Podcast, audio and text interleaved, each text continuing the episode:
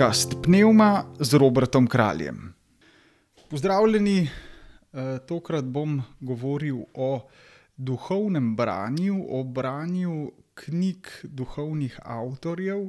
K temu me je spodbudila objava mm, kolegice na Facebooku, ki je pred kratkim objavila fotografijo s tremi knjigami Terezije Avilske oziroma Terezije Jezusove, kot ji uh, rečemo.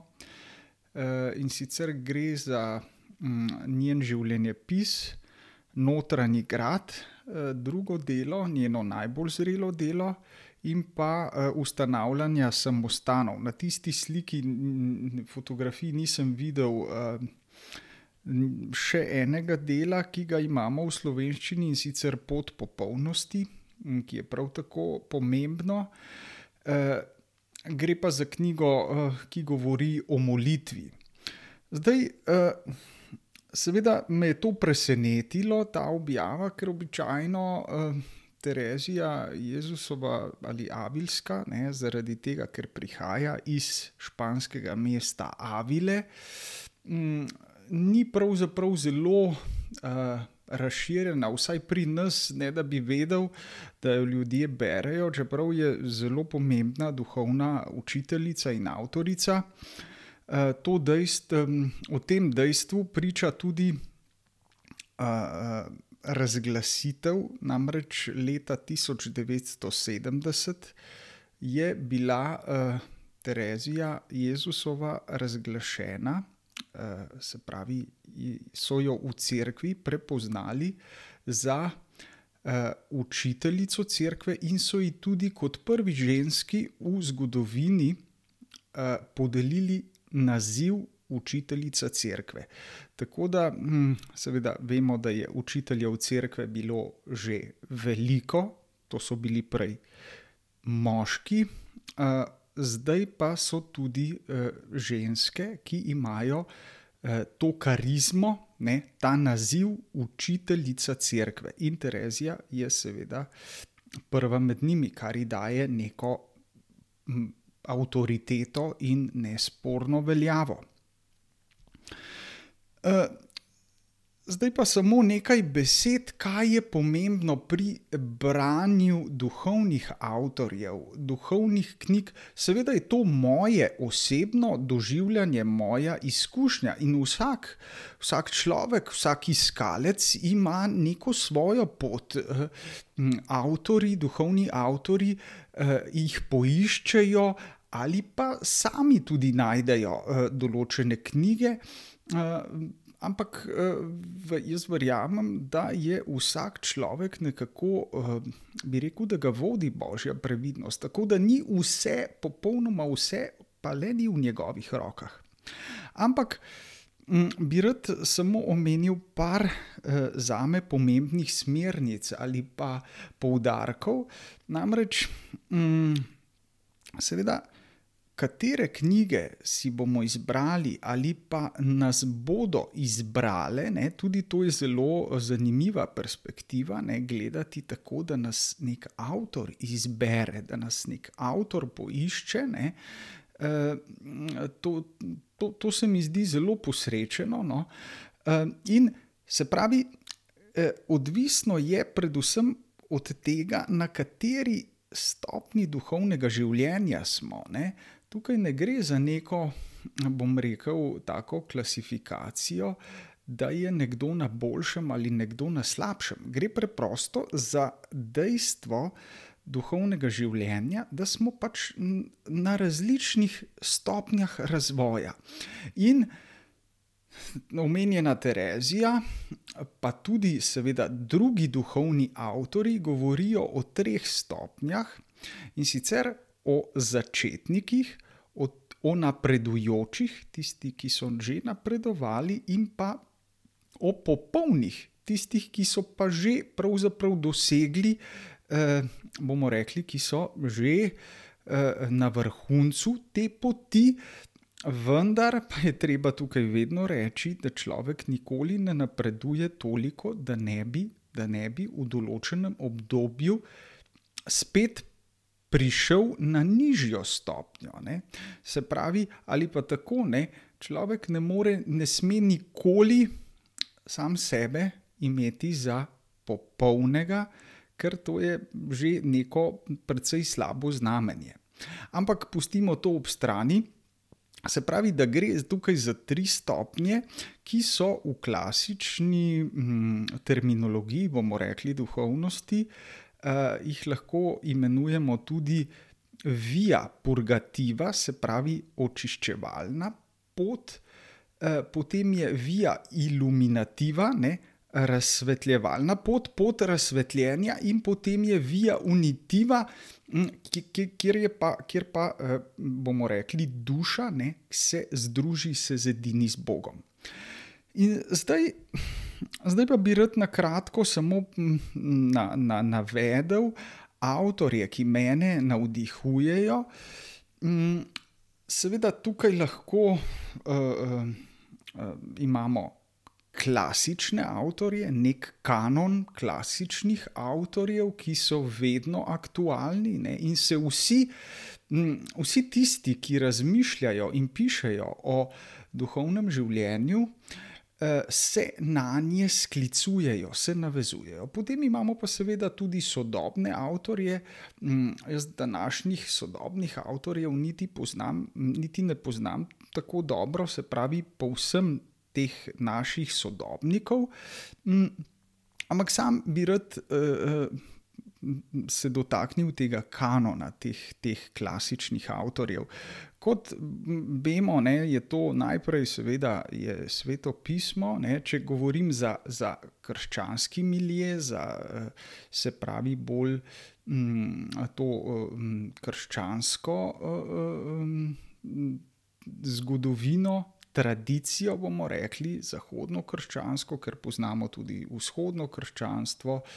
Mm, eh, ne bom pa tu, jaz nisem poznavalec vzhodnih eh, verstev, se pravi budizma, eh, hinduizma in tako naprej, zato teh tekstov ne poznam in jih seveda. Hm, nekaj, nekaj drobcev, ampak nisem, se ne čutim poklicanega, da bi o tem lahko kaj več govoril.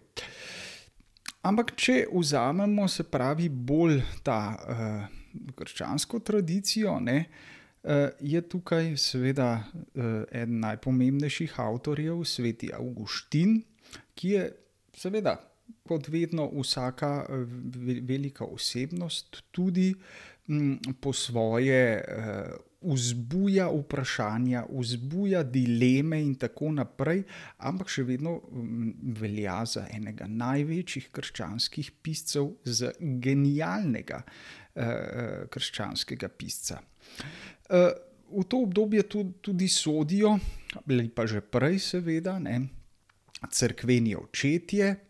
Tukaj lahko omenimo Ireneja Lionskega, eh, Maksima Spoznavalca, Evagrija Ponskega, eh, Dionizija Areopagita in mnoge druge. Hm, ne bom tega našteval, imamo zelo dobre prevode, ki so išli pri eh, celski Mohorjevi družbi.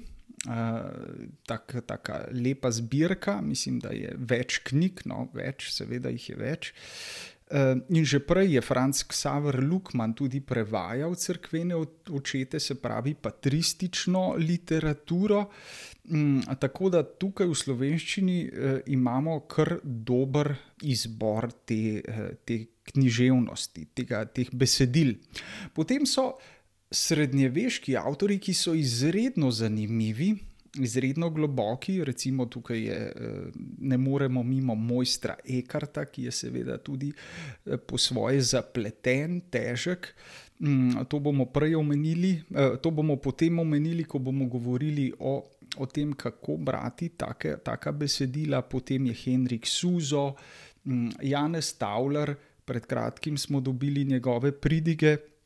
Potem so pa tukaj uh, briljantne ženske avtorice, izredno uh, impresivne, uh, Katarina Sijenska, Brigita Švedska, Juliana iz Noriča.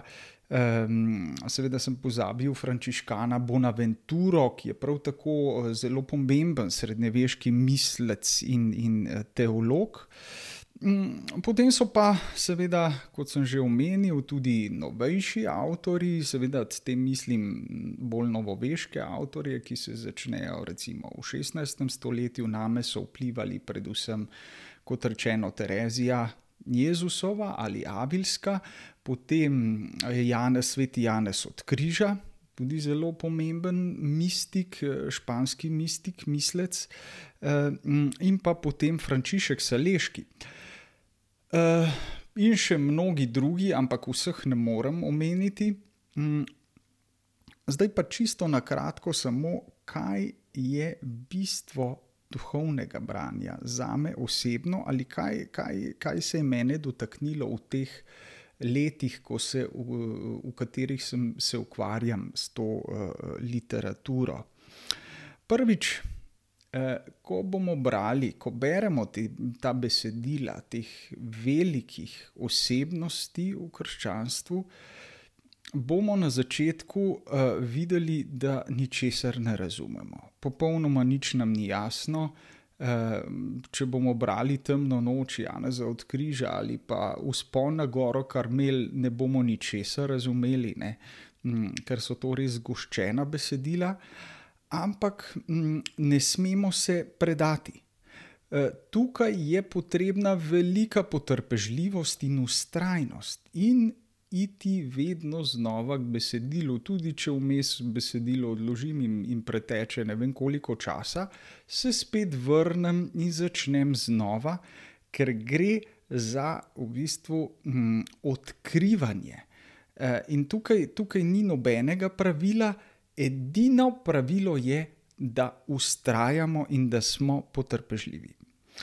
Uh, potem še eno stvar, ki jo uh, nekako, ki, ki je uh, vsaj v mojem primeru se pokazala za izredno dobro, je, da če znamo jezike, tuje jezike, je to določena prednost, ker lahko beremo ta besedila v izvirniku.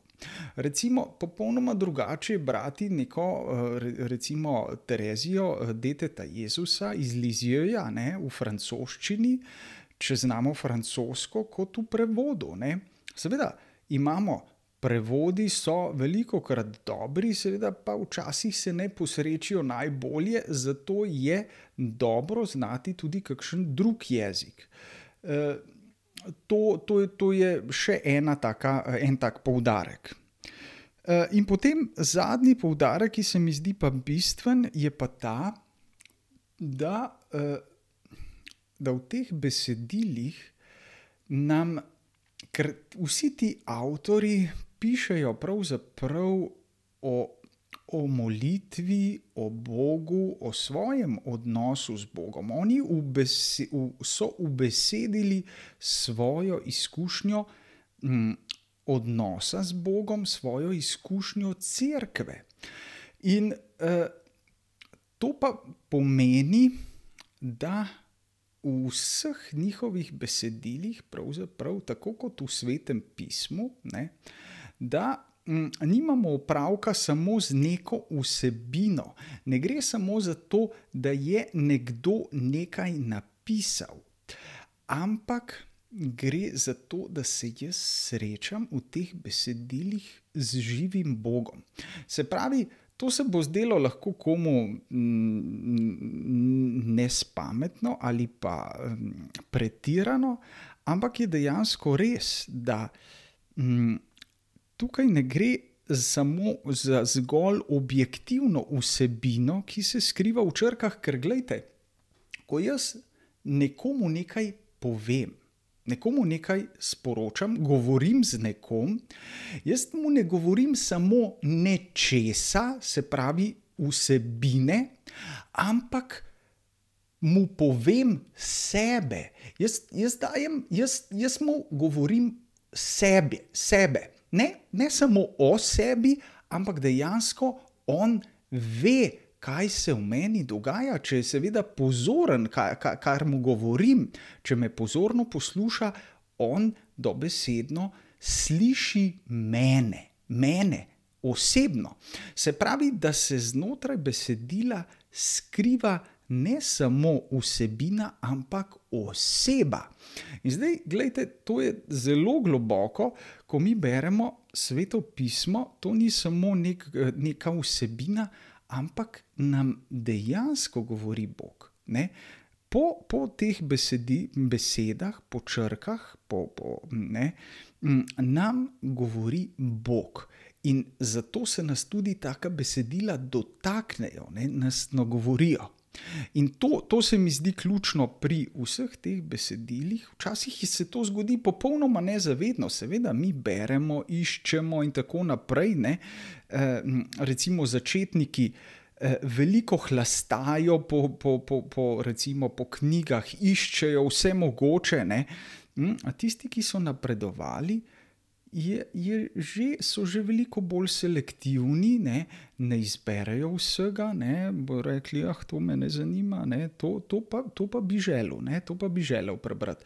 Mm, potem tisti, ki pa, ki pa so že, bomo rekli, popolni, ne. Za Janeza od križa, recimo, so rekli, da so govorili, da je pravzaprav znal na pamet celo pismo, sveto pismo. Ne, se pravi, da tisti pa sploh ne rabijo več knjige, Oni pa, ali je njihov vir molitev, kontemplacija, ali pa eh, samo še svetopismo, kakšen odlomek, ne, eh, sicer pa so vedno v odnosu z Bogom, v stalnem odnosu z Bogom. Toliko za enkrat, se vidimo prihodnjič.